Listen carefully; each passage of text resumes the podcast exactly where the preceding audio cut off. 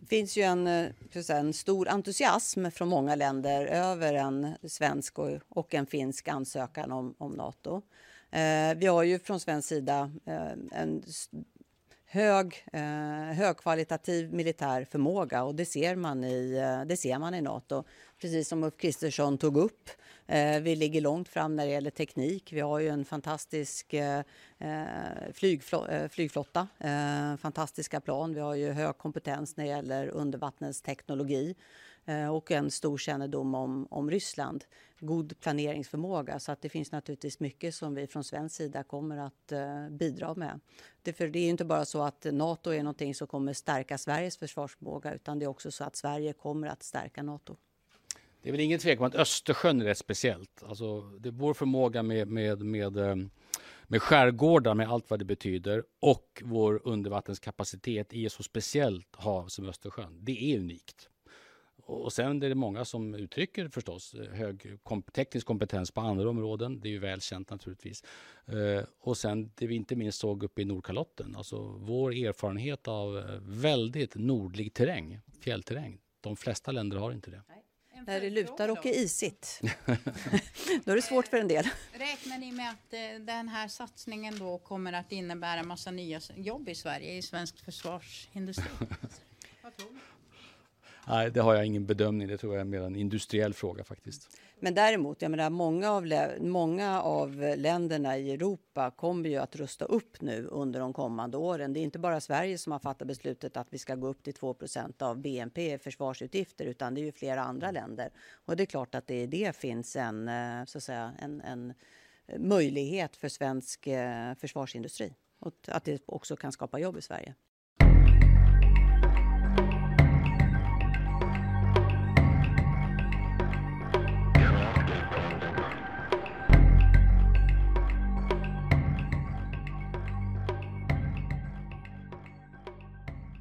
Välkomna till Krakelpodden. Jag heter Isak och eh, idag så ska vi prata om NATO och demokrati. Och eh, vi har med oss eh, två gäster.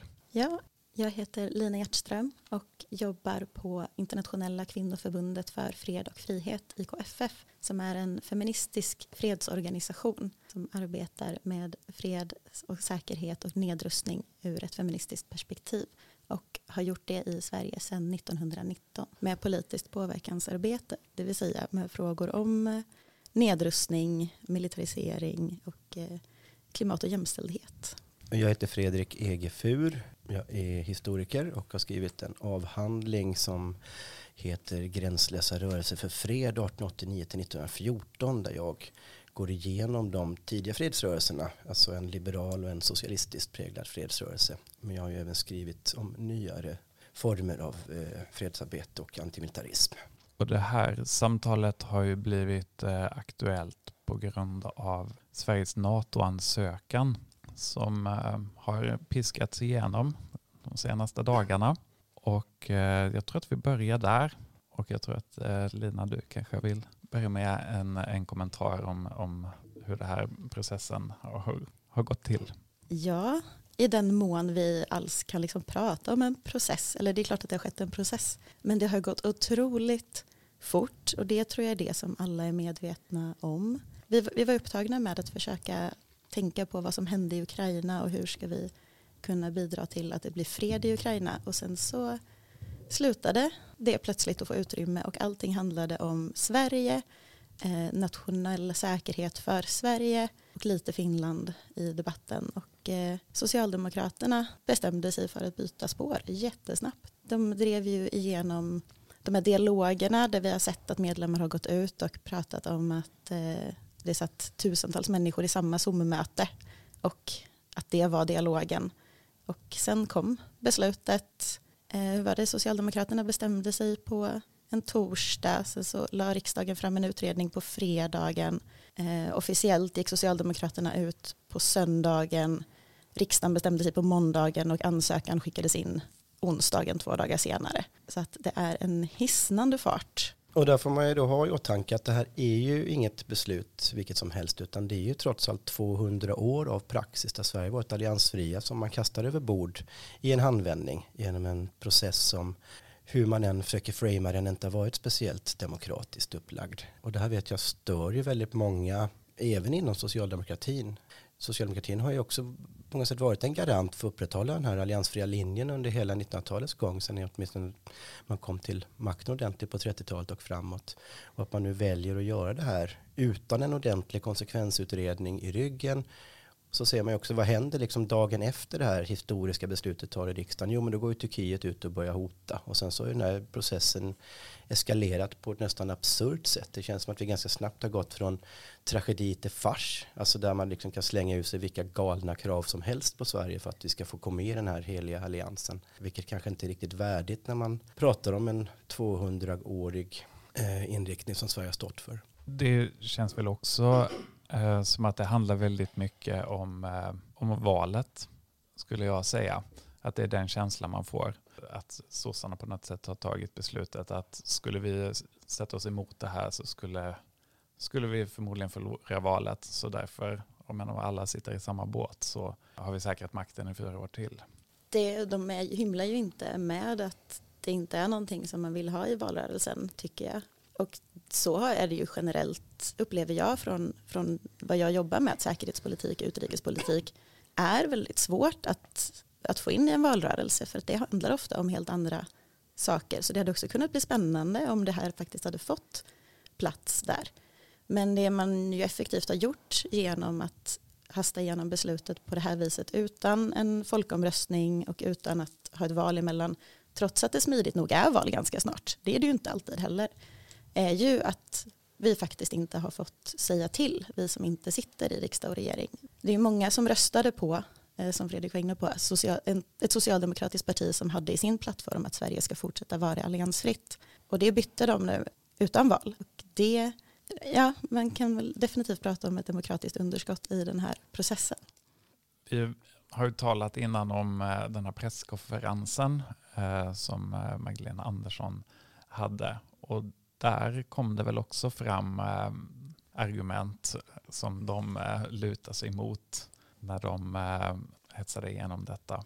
Det har kommit många besked i snabb takt som jag var inne på så det finns också många presskonferenser men den vi tänker på nu är när Magdalena Andersson och Ulf Kristersson presenterade beslutet alltså måndag den 16 maj och vi kan knyta tillbaka till det som Fredrik sa också, just att det inte har föregåtts av någon analys riktigt. För det har ju kommit en skrivelse från regeringen där riksdagspartierna har, har samlats. Eh, det var den som de la fram fredagen innan, beslut, innan ansökan skickades in. Där de lägger fram sin analys. Det här är det underlag som beslutet ska grundas på. Den har ju en hel del problem anser jag i att den faktiskt inte tar upp några problem med ett eventuellt svenskt NATO-medlemskap utan den lyfter mer hur skulle det kunna gå till? Kan vi tillträda NATO? Eh, det tittar på fördelar, det tittar på vad som stärker svensk försvarsförmåga men det tittar inte på konsekvenser. Det nämner några aspekter som skulle kunna beröras men avfärdar också det ganska snabbt och säger till exempel att det här kommer inte egentligen påverka Sveriges möjligheter att vara en röst för fred i världen, att arbeta för nedrustning, att arbeta med kvinnofred och säkerhetsagendan, det vill säga för jämställdhet i frågor om krig och fred. Och det tror inte jag att det kommer vara oberört på det sättet på grund av den organisation som NATO är och vad det innebär.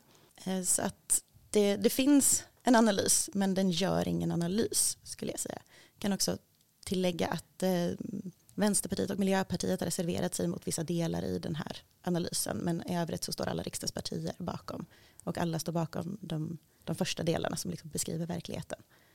Vi kanske ska gå in eh, lite på de eh, problemen med NATO som eh, din organisation har, har lyft. Gärna ur ett demokratiperspektiv. Vi, brukar ju, vi lyfter ju frågor oftast ur ett, ett fredsperspektiv och ett feministiskt perspektiv. Men demokratiaspekten är ju central i båda dem. Jag tänker att vi kan börja egentligen med att göra skillnad på avskräckning och konfliktförebyggande. Jag tycker att det har rört sig en massa nya begrepp i den här debatten som plötsligt har kommit. Vi pratar om konfliktavhållande har det kommit från, från regeringens håll och det är säkerhets, konfliktsänkande åtgärder. Det, men det finns ju det finns ett språkbruk som vi har haft tidigare i, i branschen eller vad man ska säga. Som, avskräckningsteori är ju det som NATO bygger på och det är ju det som alla känner till från kalla kriget. Om jag hotar med tillräckligt mycket våld och hämnd ifall du anfaller mig så kommer du inte att anfalla mig. Det är den teorin. Och den bygger ju förstås på att du presenterar ett realistiskt hot om att använda det här våldet. I och med det så har vi ett NATO ehm, och andra kärnvapenstater som aktivt övar för att använda sina kärnvapen. Man måste hela tiden, man säger det här ska inte användas, de är för farliga och hela poängen är att vi ska aldrig använda kärnvapen. Men avskräckningsteorin bygger ju på att du hela tiden verkligen skulle kunna använda kärnvapen. Där kan man väl eh, se, de har väl eh, lovat att eh, det inte ska bli några kärnvapen på svensk mark.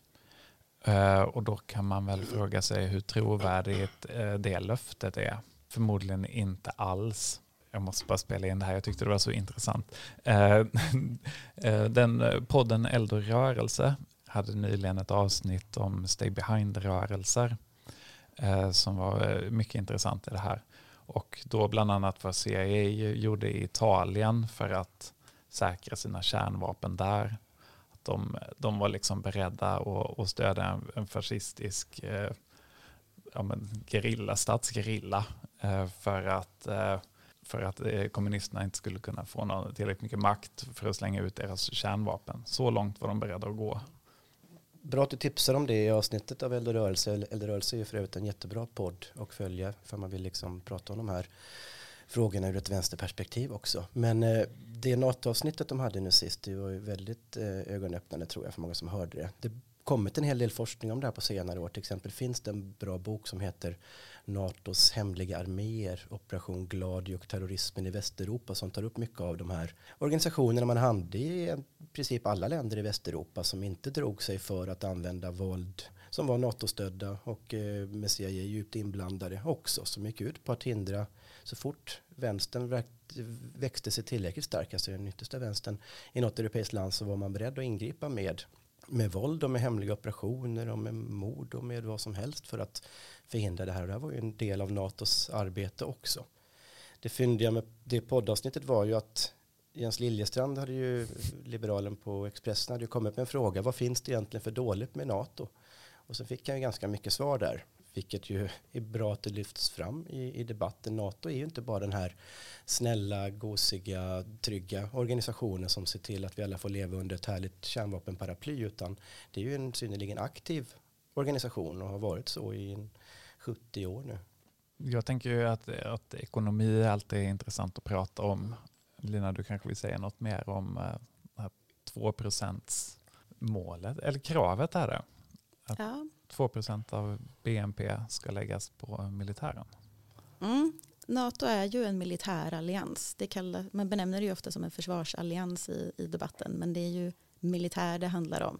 Eh, eller en kärnvapenallians som vi var inne på. Och det här är ju oerhört kostsamt och bygger som sagt på att det finns ett realistiskt och realiserbart hot om att använda väldigt mycket militärt våld ifall någon skulle anfalla ett NATO-land. Så de kräver eh, eh, de kräver 2% av BNP som du sa och Sverige har ju redan bestämt sig. Det har väl också varit svårt att missa just nu att Peter Hultqvist, försvarsministern, har varit väldigt tydlig med att de redan har ökat svenskt försvarsanslag med 80 procent och nu kommer större ökningar. Och det här är ju pengar som tas någonstans ifrån. Vi har samtidigt sett att svenskt bistånd, det vill säga pengarna som går till konfliktförebyggande, att hejda klimatförändringarna, jämställdhetsarbete, de skärs. De pengarna behövs till att ta emot flyktingar från Ukraina. Så där får man kämpa med näbbar och klor om att få hantera effekterna av kriget och försöka se till att det inte händer igen. Samtidigt som eh, NATO då kräver enorma summor. Och det är offentliga medel vi lägger på militären. Så att då, då tävlar det ju med välfärdsbudgetarna. Och det är en diskussion jag verkligen hade velat se i NATO-debatten inte en opinionsfråga som ställs, vill du att, vi går med, vill du att Sverige går med i NATO eller inte, utan en fråga som kanske hade varit, vill du att Sverige går med i NATO om det innebär att vi fortsatt kommer ha för lite pengar till sjukvården, till klimatomställning, till skola, till omsorg, till infrastruktur, till allt det som vi egentligen vet bygger ett tryggt och säkert samhälle. I den texten du skrev nyligen i Flamman så är du också inne på det militärindustriella komplexet och, och Saab. Har du något kring ekonomin där? Ja, alltså det är ju inget nytt att det finns, ja, vi nu ska använda den moderna titeln, och, eller det har vi pratat om ju sedan 50-talet, men det militärindustriella komplexet. Eh, att det finns vapenexportörer eller vapenindustri som inte har någonting direkt emot att man rustar upp och fortsätter göra det. Men här kan man gå tillbaka, det är ju en kritik som fanns redan för ja, 100-120 år sedan i debatten från vänsterhåll när man kritiserar militarismen. Att militarismen inte bara syftar till det nationella försvaret utan militarismen är en del av en in industri där det finns de med oerhört starka kapitalintressen av att man ska fortsätta och öka rustningarna runt om i världen. När det här dök upp från början är det ju därför att det är lite det här jag skriver om i min avhandling då, alltså vägen fram till första världskriget. Det är ju 25 år av en aldrig tidigare skådad kapprustning mellan imperierna runt om i Europa. Där kan man prata om att lägga BNP-nivåer på runt halva liksom statsbudgetarna i olika länder på sina försvars eller sina arméer som man sa på den tiden. Så då dyker också en ekonomisk kritik upp i det här. Alltså det är inom den inriktning vi brukar kalla antimilitarismen så är den ekonomiska aspekten en synnerligen viktig del. Att ska vi verkligen lägga alla de här pengarna på en armé eller ska vi istället försöka rusta upp länder socialt, bygga upp det man inte ens visste fanns ens, men som man hade idéer om en välfärdsstat och så vidare. Så det har varit djupt inbegripet i antimilitarismens kamp ända sedan dess, alltså en kritik, en ekonomisk kritik av vad pengar egentligen läggs på. Och där ser man då det jag nämner i Flamman var ju bara ett exempel på det här, alltså att de här olika alltså svenska försvarsindustrierna har ju ja, haft en oerhörd ökning på börsen sedan NATO-debatten började dyka upp. Och givetvis så finns det ju människor som har intresse av att det är så och de är ju inte tysta i debatten. Sen hur de verkar det är ju på olika sätt. Men eh, att det, den ekonomiska frågan går definitivt hand i hand med säkerhetsfrågan eller vad, eller vad man ska säga. Och det här knyter ju rakt tillbaka till den presskonferensen som vi nämnde tidigare där där de fick frågan om just vad, eh, men vad andra NATO-länder förväntar sig av Sverige och stoltserar ju då mycket med just svensk eh, vapenindustri, svensk krigsmaterialindustri och export. Eh, där man dels pratar om att, om att ha Sverige som ett övningsfält och liksom nyttja Sveriges kompetenser i Östersjön och fjällen, det vill säga känsliga naturområden där, eh, där det redan sker oerhört mycket militärövningar så det är ett annat sätt som det här drabbar människor i Sverige redan. Att eh, militären kan blockera utbyggnad av vindkraftverk till exempel.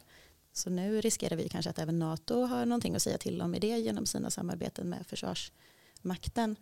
Eh, men även att eh, Magdalena Andersson faktiskt nämner rakt ut att med den ökade rustning vi ser i övriga Europa så finns det som hon säger möjlighet till fler jobb i svensk försvarsindustri.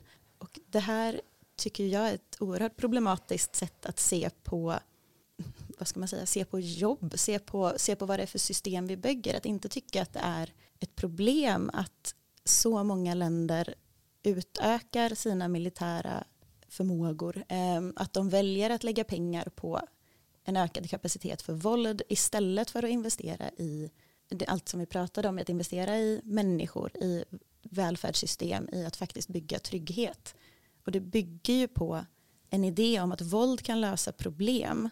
Men det, det har vi inte riktigt belägg för historiskt heller. Det kan väl du få spela in på. Men vi, vi har ju sett att upprustning tenderar att följas av krig och konflikt. Och det sätt som vi känner till att det vi gör efter krig är ju att vi inser att vi behöver nedrusta igen. Då behöver man avväpna styrkor för att det inte ska kunna fortsätta. Eh, och det här gäller ju även i, i fredstid, att om man vill förebygga konflikter, till skillnad från då avskräckning, så behöver man hitta sätt att lösa konflikter och problem utan våld. Eh, och det är ju det vi har till exempel demokratiska system till.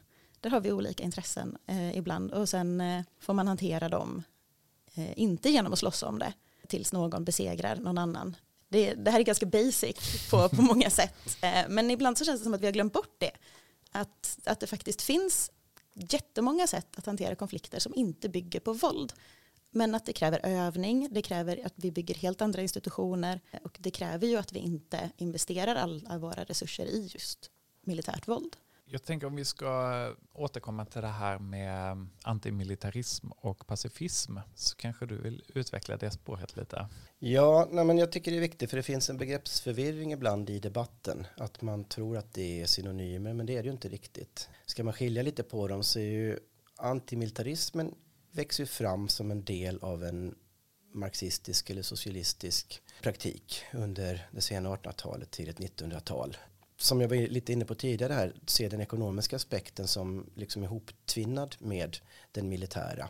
Man har en viss begränsad summa pengar, den måste läggas på någonting. Läggs den på, som Lina sa innan här, läggs den på försvar och arméer så kan man inte lägga den på att bygga en välfärdsstat eller ge, omfördela pengar till, till de som har det sämre ställt. Så det där är en väldigt viktig del av kritiken mot militarismen. Men det handlar också om vad militären kan användas till utöver då stå upp mot andra arméer. Och det här var en fråga som var synnerligen aktuell vid den här tidpunkten när man ofta satte in militär mot inhemska strejker eller demonstrationer. Alltså det sågs ju som en del tillsammans med Polisförbundet som ja, men maktens beväpnade gren. Det var ju väldigt tydligt. Därför bjöds ju Sverige först i samband med Ådalen-händelserna 31 när militären sköt ihjäl fem stycken strejkande arbetare eller demonstrerande. Så den kritiken ligger också latent, att man såg inte militären eller armén som någon del av folket, utan det såg som en del av maktens repression nedåt.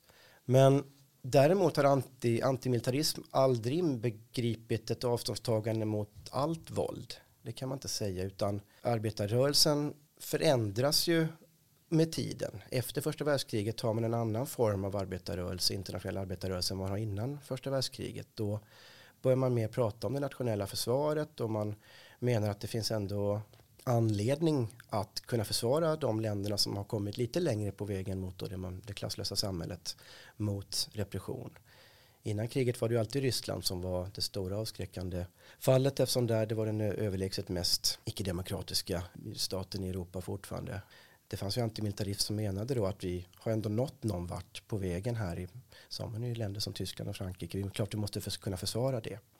Men det har, så det har alltså aldrig inbegripit ett avståndstagande mot allt våld. Det har varit, man har alltid varit öppet för självförsvar, man har varit öppet för att kunna stötta den svagare parten i en konflikt. Jag nämner ett exempel där i min artikel i Flamman just att redan Marx var ju för alltså den polska frihetskampen från Ryssland på 1860-talet. Han försöker sätta ihop en egen bataljon liksom som ska gå in. Första internationalen som skapas, alltså den första internationella sammanslutningen inom arbetarrörelsen. Där ett viktigt bidrag är just den polska frihetskampen. Så det har alltid funnits en öppning för och stötta den svagare parten även i militära konflikter. Skillnaden då mot pacifism pacifism i tron att det kanske är ett begrepp som funnits i evigheter men så är det inte utan det, är, eh, det uppfinns så att säga 1901 av en eh, fransk advokat som heter Emile Arnaud som var en del av då det som jag brukar kalla den borgerliga fredsrörelsen men som var en slags liberal kristen sammanslutning av olika eh, fredsorganisationer i olika länder som träffas upprepade gånger för att försöka arbeta fram ett ramverk kring det här. Deras svar på att lösa krig och konflikter det var upprätt, alltså starta upp eh, internationella skiljedomstolar. Det var en värld som byggde på traktat och avtal, ett slags juridiskt ramverk för att kontrollera konflikter. Men exakt vad det här var för inriktning var ju liksom ett litet sammelsurium. Så när han lanserar begreppet pacifism då 1901 först så är det just för att visa att vad man, vad man står för. Att man inte, man är inte bara fredsälskare, man är inte bara för avväpning utan man är liksom någonting mer av det här. han vill göra det liksom till en kämpande ideologi för en pacifistisk ingång. Den pacifismen bygger ju på den här världen med avtal och traktat. Men där öppnar man inte upp för någon form av våldsutövning. Och det är väl kanske det kristna inslaget i, i, i det här begreppet. Men jag kan plocka upp ett spår där som jag tycker att man kan se nu. Du sa att förut kanske det handlade om att eh, vad militären kan användas till. Och jag tycker om man tittar på Försvarsmaktens reklam, om man tittar på hur man pratar om Försvarsmakten idag så finns det ändå spår av den här, den här extra användningen eller vad man ska säga, fast den har tagit sig nya former där vi har sett att eh, militären rycker in vid skogsbränder, militären monterar fältsjukhus när covid-pandemin bröt ut och liksom kommer till räddning fortfarande. Och det här är ju ett narrativ som de är väldigt noga med att, att presentera. Och då måste vi ju komma ihåg att det finns en anledning till att sjukvården behövde de militära fältsjukhusen och det är ju för att sjukvården är underfinansierad medan militären har fått de pengarna redan. Så att vi har liksom en massa resurser som bara ligger i Försvarsmakten och skvalpar. Vi skulle ju istället kunna ha ett utbyggt brandförsvar, vi skulle kunna ha en helt annan samhällsberedskap civilt eh, så att de resurserna finns där. Men eh, vi har den här berättelsen av att militären är en, en kompetent organisation som kan lösa samhällsproblem. Och de har ju såklart ett egenintresse av att upprätthålla det. Så fungerar institutioner. Man vill få sin finansiering, man vill driva vidare. Och Försvarsmakten i Sverige är jättebra på det. Så det gäller att komma ihåg när de liksom kommer till räddningen, till undsättning, att de förutsättningen för att de ska göra det är att de redan har blockerat att någon annan institution faktiskt inte behövde den hjälpen. Det är svårt att inte nämna Ukraina.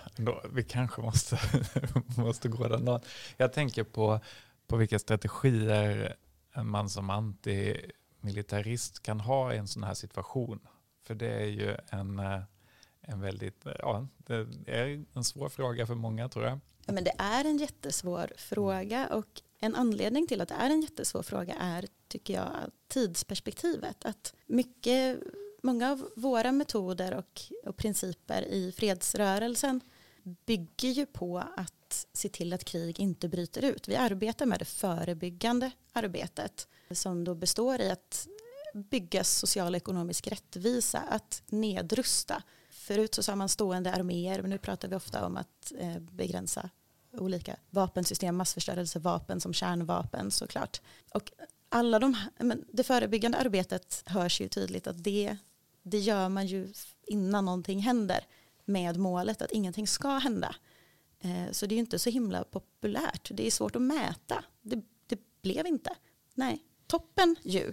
Men därför så är det också mycket lättare att vänta tills det smäller och sen finansiera humanitärt bistånd till exempel. Och det ser vi hända gång på gång. Eh, så därför hamnar man ofta lite fel. Att, att till exempel fredsrörelsen nu förväntas liksom ha svar på hur man stoppar kriget. Och våra svar ligger inte riktigt mitt i det här som brinner, utan vi kan peka på alla vi, vi avskyr att säga vad var det vi sa för att vi säger det hela. eller så, vi, vi har förstått att det här kommer hända för att vi har sett det så många gånger. Men det finns ju ändå saker man kan göra man kan förebygga vidare våld även medan en konflikt pågår. Och till exempel om man är inne på ändå en eh, internationella avtal eh, och dylikt så är ju en sak som vi har förespråkat väldigt starkt både sen innan Ryssland gick in i Ukraina och efter det att Sverige ska skriva på FNs konvention om förbud mot kärnvapen som ett sätt att visa på att vi inte vill eskalera den här konflikten, att vi inte vill ha en ökning av anspänning och hot om våld i regionen utan istället ansluta oss till alla de länder som säger vi vill inte ägna oss åt att hota andra med massförstörelsevapen. Vi vill inte lägga alla våra pengar på att hota om massmord på civila. Och sen finns det förstås jättemycket organisering som man kan ägna sig åt även under, under konflikt. Att, att samla, och det här är också någonting som vi jobbar aktivt med, att samla för vår del ofta kvinnor, feminister, fredsrörelser och stötta dem så att de kan dels fortsätta jobba, för det kräver ju oerhört mycket att fortsätta arbeta under en konflikt eller en väpnad konflikt eh, när man ofta sprids åt olika håll. Det kräver jättemycket resurser bara att kunna mötas igen, traumabearbetning och så vidare. Och förbereda sig, samla sig som, som befolkning och inte som ledare i staten för att kunna delta i fredsförhandlingar och faktiskt ställa ordentliga krav på att man ska bygga någonting bättre det finns ju också väldigt många exempel på fredsförhandlingar där man egentligen inte förändrar förutsättningarna som ledde till kriget från början och sen så bryter det ut igen. Däremot så vet vi, och det finns belagt, att eh, om kvinnor får delta på ett meningsfullt sätt i fredsförhandlingar så blir freden mycket mer hållbar. Den håller längre och den blir mer förankrad i befolkningen. Ofta just för att kvinnor har organiserat sig i civilsamhället tidigare och har en mycket bättre förankring och ja, men det är det blir en mer demokratisk process på det sättet. Så att se till att det finns en möjlighet för den typen av slut på kriget och inte bara en frusen konflikt är ett jättearbete som man verkligen kan ägna sig åt nu. Jag tänkte apropå um, eskalering och så. Eh, så har ju Europa hamnat i en väldigt eh, konstig position där man dels stöder Ukraina med, med vapen och sen stöder man också Ryssland genom att köpa gas och sånt. Så det, det är en position där man, där man stöder båda parterna i kriget här. Sverige exporterar ju också vapen till både Indien och Pakistan eller krigsmateriel till exempel. Eh, så det här är ju varken nytt eller främmande. Eh, du, du har ju helt rätt i att eh, man sätter ju inte emot vad som, man gör ju inte vad som helst för, för att få fred, få slut på kriget, utan stater gör ju det som de, man gör ju det, det som känns lätt på något vis, eller det som känns tillgängligt. Och eh, det här är ju också en mycket mer komplex fråga än vad det, vad det kan presenteras som på många sätt. För att vi har ju inte byggt bort fossilberoendet, trots att alla vet att det är någonting vi verkligen behöver göra, för förutom risken att världen går under av av en kärnvapenkonflikt, eh, kärnvapendetonation, så, så är det ju klimatkrisen som verkligen hotar hela världen. Så hade man tagit tag bättre i den så skulle vi också förmodligen vara i en bättre situation att hantera Rysslands beteende just nu när man inte skulle ha det fossilberoendet. Men vi har även sett att eh, om man försöker strypa de ryska, försöker köpa mindre fossila bränslen eller fossilt eh, till exempel Tyskland har försökt minska sin import av fossila bränslen från Ryssland och till exempel tittat mot Colombia och försökt eh, handla därifrån istället. Så då har det kommit rapporter om att och Colombia har ju också nyligen kommit ut ur en väpnad konflikt. i ett väldigt ömtåligt, känsligt samhälle. Där har man eh, börjat med en exploatering av, av eh, jag kommer inte ihåg om det är olja eller gas. Där istället eh, dämt upp eh, vattendrag i känsliga områden, Eh, så att folk får flytta på sig, känsliga ekosystem skadas. Så det är ju inte heller bara att strypa införsel från Ryssland utan att det har andra konsekvenser. Så det, återigen så ser vi ett helt system som vi behöver förändra för att det inte hela tiden ska ske på människors bekostnad någon annanstans. Eh, jag tänkte att vi skulle hinna med att prata lite om eh, just det väpnade stödet också. För det är ju inget, eh, inget eh, nytt egentligen från vänsterhåll heller med väpnat stöd till olika grupper. Så man kanske tänker att, att det är det men, det, men det är det ju inte. Nej, det är det ju inte. Det beror ju också på lite på hur man ser det här, men som jag var inne på tidigare så är det ju ingenting utifrån en antimilitaristisk praktik som hindrar att man stödjer en svagare part. Jag tycker inte frågan om vapenstöd till Ukraina var enkel. Nej, men jag tror att många tycker att det är väldigt svårt för att det är ju återigen det, när det väl har hänt, när någon väl är under attack, så är det ju helt omöjligt att säga att nej men jag tycker inte du ska få försvara dig när du blir angripen.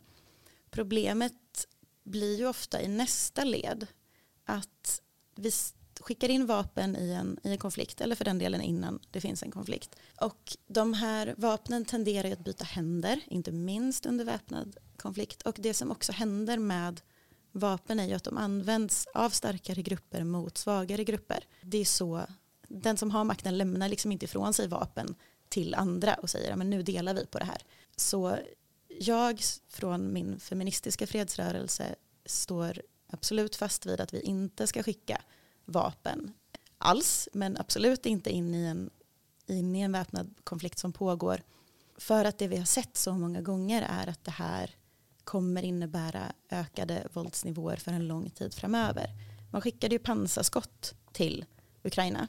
En annan svensk eh, exportstolthet som har eh, drivit runt i världen väldigt länge är ju eh, eh, granatgeväret Carl Gustav som eh, nu precis har, det har kommit nya bilder på att det används i Myanmar. Så, och det var alltså förmodligen vapen som Sverige exporterade på 80-talet som nu används i den här hårt militariserade diktaturen. Så att det är ett oerhört kortsiktigt perspektiv att tro att vi kan lösa problemen genom att föra in mer vapen.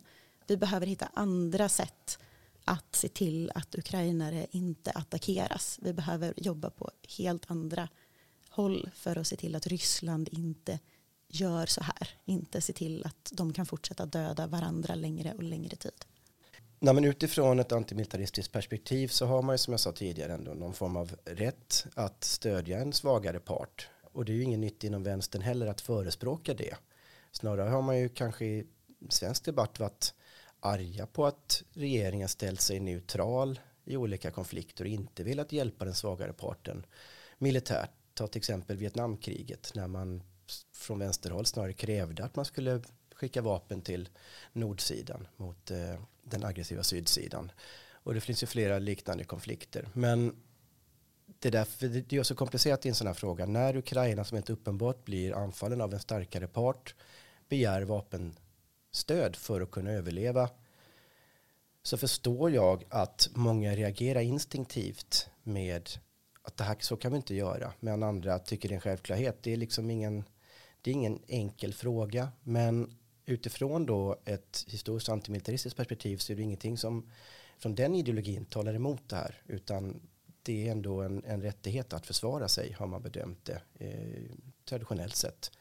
Och där fastnade jag väl lite också, jag pratade lite om det i den artikeln vi nämnde, när det blir liksom konvulsioner inom partier som Vänsterpartiet och Miljöpartiet som på många sätt varit liksom en viktig och integrerad del av fredsrörelsen i Sverige så, för, så förstår jag att, att det blir debatt. Men det blir det ju även inom socialdemokratin för som sagt Sverige har ju inte skickat vapenstöd till konflikter på det här sättet. Vi har ju liksom inte gjort det i princip sedan finska vinterkriget där vi till och med underlättade för frivillig tropp och delta i, i stridigheterna. Men på det här sättet har man inte hanterat den här frågan tidigare. Däremot har man ju som Lina var inne på varit en synnerligen aktiv vapenexportör under hela efterkrigstiden. Men då har man ju på något sätt ja, dölt avsikten i olika avtal och traktat. Men, alltså, men det har ju ändå de facto blivit så att Sverige varit den här oerhört ivriga vapenexportören. Men den här gången det är ett, det är ett avträde från praxis att skicka det direkt in i en konflikt som man gör den här gången. Och Sverige har ju gett avslag tidigare till att exportera till Ukraina. Så att innan det här hände så bedömde man att det liksom inte var, de uppfyllde inte kraven för att ta emot vapen från Sverige. Så att det är ju en, och nu har vi alltså lagt krig till det, Eh, den enorma osäkerhetsfaktor som det innebär. Så att det finns ju en väldigt hög risk att, det här, att, att Ukraina kommer få det oerhört svårt att bygga tillbaka ett ett stabilt och tryggt samhälle när vi får slut på det här kriget om var och varannan människa har vapen och ammunition liggandes. Nej, men alltså någonting, någonting drastiskt har ju hänt när det blivit den här luckan som gör att vi, kan, vi, går, vi går inte bara ifrån praxis att inte skicka vapen in i en konflikt, för det gör man, men hur det i sin tur har lett då till det här NATO inträdet. Alltså vi pratar ju om veckor mellan de här besluten. Någonting som först var fullkomligt omöjligt blir ganska snart fullkomligt självklart och avvikande röster i debatten ses som idioter. Och det här kommer ju framtida forskning titta på. Det kommer vara oerhört intressant att se. Givetvis finns det ju krafter som bara har väntat på en kris av det här fallet och äntligen kunna dra på hela sin propagandamaskin. Men hur man lyckas få då Socialdemokraterna att vika så fort, det trodde inte jag var möjligt. Och att försvarsminister Peter Hultqvist kan stå i senaste höstas och prata om att det här aldrig under några omständigheter kommer ske under his watch. Och sen är det fullkomligt självklart att det kommer ske under his watch.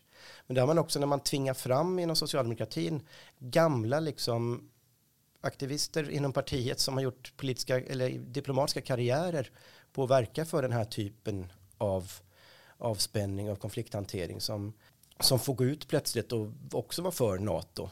Jag tänker framförallt på Jan Eliasson. Margot Wallström. Ja, Margot Wallström. Fullkomligt befängt hade man trott det här var för ett halvår sedan när stackars Jan Eliasson får gå omkring på en kyrkogård här med gråten i rösten och prata om att det här nog ändå är det korrekta. Men att vi ska ta med oss allt det som var positivt med svensk, den svenska eh, internationella rösten in i det här nya läget. Men det tror jag inte ens på själv. Och det är det som, där är det den stora bristen i konsekvensanalys också. Att Sverige har inte varit en strikt antimilitaristisk stat under alla de här åren. Vi har inte varit med i krig, men vi har inte bidragit åtminstone till att öka anspänningen eller konfliktnivån i världen. Vi har i de bästa fallen som en liten stat kunnat agera som en, en röst eller en voice of reason som ändå pratat och medlat till, alltså manat till förhandlingar om medling och nedrustning och så vidare. Vi har haft liksom ett fullkomligt oproportionellt stort antal starka röster i den internationella debatten som Alvar Myrdal och Olof Palme som manat till avspänning. Inte till att se till att hjälpa till att öka konfliktnivån. Det där kommer vi fullkomligt kunna glömma i framtiden. Och alla som tror att Sverige ska kunna vara den här formen av humanitära stormakt vi ändå ville vara och på vissa sätt faktiskt lyckades vara under en lång tid. Den eran är ju definitivt över. Och det är någonting som i alla fall jag har saknat oerhört mycket i, i den här debatten när allting gått så oerhört fort. Verkligen. Det här är ju någonting som saknas i, i den analys som kom från riksdagen där man tror att det här inte kommer påverka. Men Sverige har ju, har ju nu avsagt sig den möjligheten att kunna föra en, en egen politik och en egen röst i världen på det sätt som man har gjort. Och så går vi in istället och skriver under på, på att använda det här militära hotet och så går vi in i en organisation. Vi har knappt berört vad NATO, liksom, hur NATO är som organisation.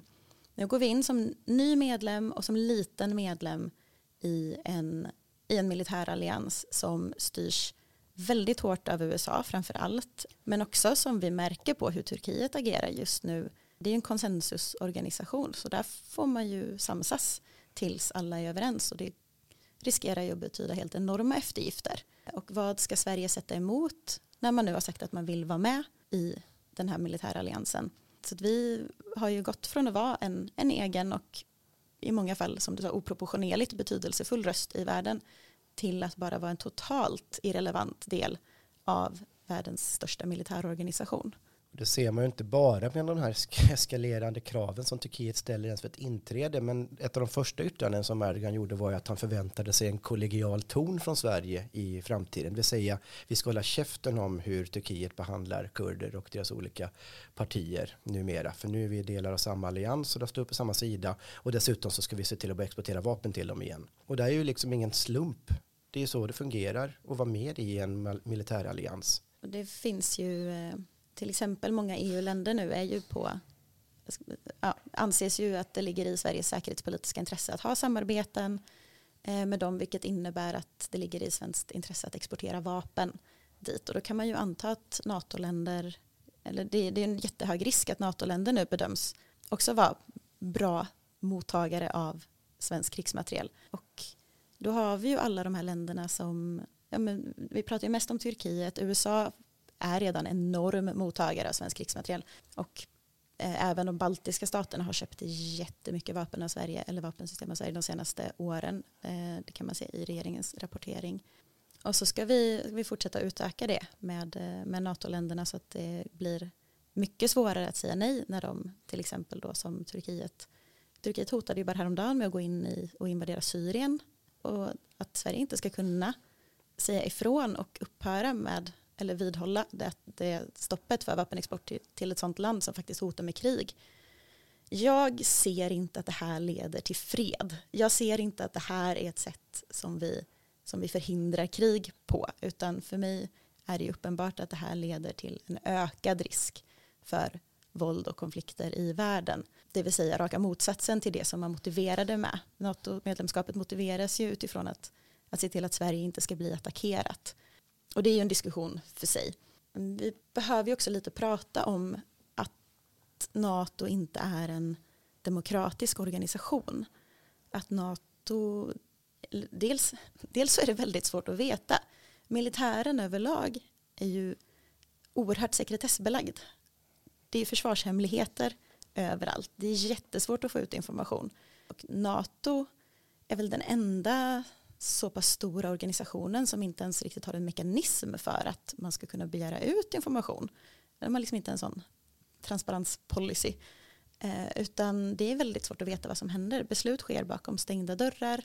Eh, vi vet också att militärer överlag är både väldigt maskuliniserade organisationer och mansdominerade organisationer. Så jag ser ju att beslutsfattande kring min säkerhet, kring, kring liksom Sveriges befolknings säkerhet har flyttats längre från befolkningen och inte minst längre från kvinnor. Eller alla som inte är den typ av man eller maskulinitetsrepresentant eh, som, som passar in i den militära institutionen. Så att du ska liksom genomgå de här fystesterna och mönstra in för att få bestämma nu. Jag tycker det är jätteläskigt att vi har avsagt oss den möjlighet vi tidigare hade att faktiskt påverka den säkerhet som, som finns för medborgare i Sverige eller invånare i Sverige. Vi pratade ju lite tidigare innan vi satte igång om det här med kopplingen till den ekologisk, eh, ekologiska kampen och mellan den ekologiska kampen och fredskampen. Eh, vi pratade också lite om eh, klimatrörelsen Och vi pratade egentligen i grund och botten om att den viktigaste frågan som jorden står inför det är ju hur vi ska stoppa global warming men hela tiden känns det som att det kommer någon ny akut fråga emellan som gör att vi inte kan ta tag i det här. Först var det pandemin och sen så kommer det här kriget och sen så förskjuts den där frågan ner på skalan om och om igen. Och det där är väl på något sätt en, eh, ett svek mot den yngre generationen men det är också ett svek mot åtaganden man, man vi borde ha. Men jag håller ju med. Jag upplever det också som ett enormt svek. Och det, det är ju här igen som man får en sån eller politikerna, ledarsidorna, alla de som har fört den här debatten kring ett NATO-medlemskap har ju haft det här tunnelseendet som är så lätt att få när det sker en kris. Då tittar man rakt fram och höjer inte blicken, sänker inte blicken, ser inte åt sidorna. Utan man tittar på, okej, okay, jag upplever Ryssland som läskigt, jag är rädd, vad kan jag göra för att minska den här känslan? Man har agerat väldigt mycket, upplever jag, på just en, en omedelbar rädsla för någonting som man ser framför sig. Vilket gör att kopplingarna mellan klimatkrisen och krig och militarism inte har lyfts. Ehm, men försvarsindustrin, den alltså militära industrin som vi pratade om, de som har gått så väldigt bra ekonomiskt under krig som de tenderar att göra, de är oerhörda utsläppare av koldioxid. Det är en så resurstung industri. Mm. Och det är ju ganska givet, man har stridsflygplan, förbränner oerhörda mängder flygbränsle och du har de enorma fartygen, jättemycket tunga transporter, förutom förstås alla, alltså all, allt bara material som behövs för att bygga fordon, militär utrustning, mm. ubåtar, pansarvagnar, ammunition, vad det nu är. Så att det kräver jättemycket resurser som ska utvinnas någonstans ifrån och som ska tas från civil användning. Du släpper ut enorma mängder koldioxid så militären driver ju klimatförändringarna amerikansk militär är ju bland de absolut värsta utsläpparna i världen som enskild organisation. De slår ju så många länder i, i vilka utsläpp de genererar. Och i och med Sveriges ökade försvarsutgifter eh, så kommer vi ju, de, det är pengar som vi direkt lägger på att driva på klimatförändringarna. Så vi skapar ju framtida säkerhetshot mot oss alla globalt i det här. Ja, nej, men alltså där kan man knyta an till det jag pratat här tidigare om en eh, viktigt element, eller ett centralt element inom antimilitarismen, ett, alltså fredskamp från ett socialistiskt håll, men alltså hur det alltid inbegriper en kritik av ekonomin bakom, en granskning av ekonomin bakom.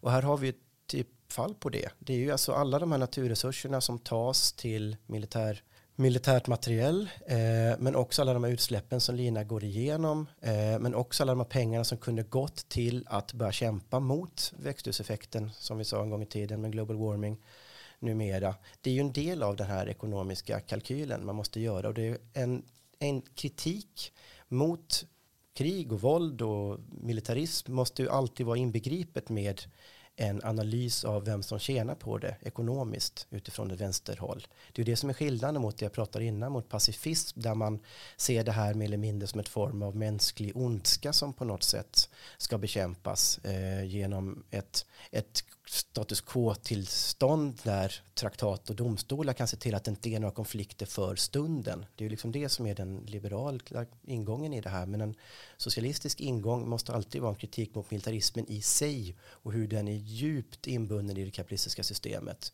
Men också numera hur det kapitalistiska systemet är ju centralt för att försöka förstöra planeten utifrån de ekologiska förutsättningar vi har.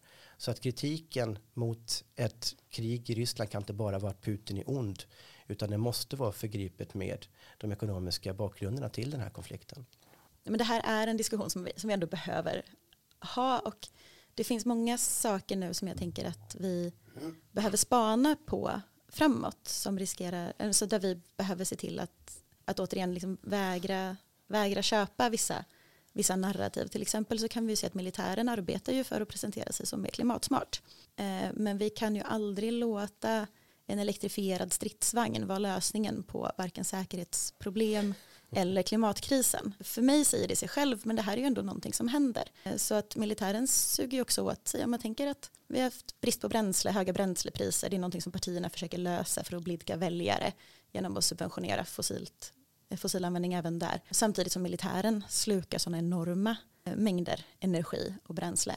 Men en elektrifiering där, eller en, sen, vi kan inte ha en ekologisk militär, utan vi behöver ju, som Fredrik är inne på, vi behöver ju bygga helt nya system för hur vi, hur vi organiserar samhälle och resursfördelning. Och en annan sak som vi behöver vara vaksamma på är ju att vi, mm, en diskussion som sker kring COP-konferenserna, till exempel FNs klimatförhandlingar, handlar mycket om rapportering av utsläpp. Och transparens och rapportering är en förutsättning för att vi ska kunna kräva politisk förändring ofta. Vet vi inte så är det svårt att säga.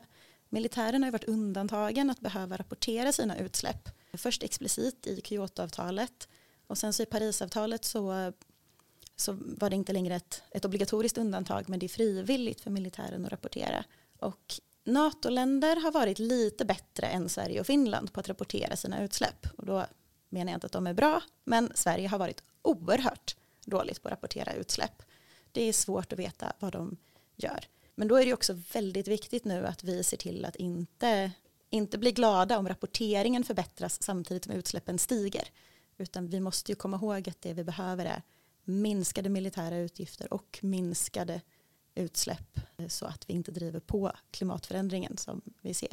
För att jag tror att det kommer komma, det kommer mycket av de här små, små falska lösningarna hela tiden. Ja, men toppen att vi rapporterar mer, gud vad skönt att NATO har en matris för det här som vi kan falla in i, så att vi ser nu hur mycket koldioxid och då kan vi jobba med det så att militären kan minska sin eh, energiförbrukning med 12 procent till 2025. Alltså det, det räcker inte. Vi behöver ha det, det här mycket större greppet hela tiden och inte falla in i och tro att man kan dutta runt eh, med hur försvaret fortsätter att driva oss mot undergång.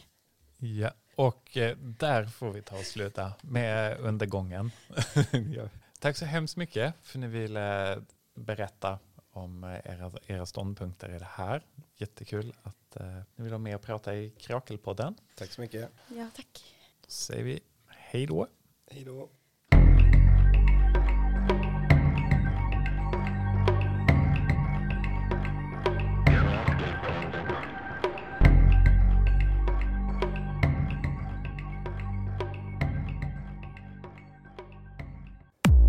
Du har lyssnat på en podcast som görs i samarbete med ABF Malmö.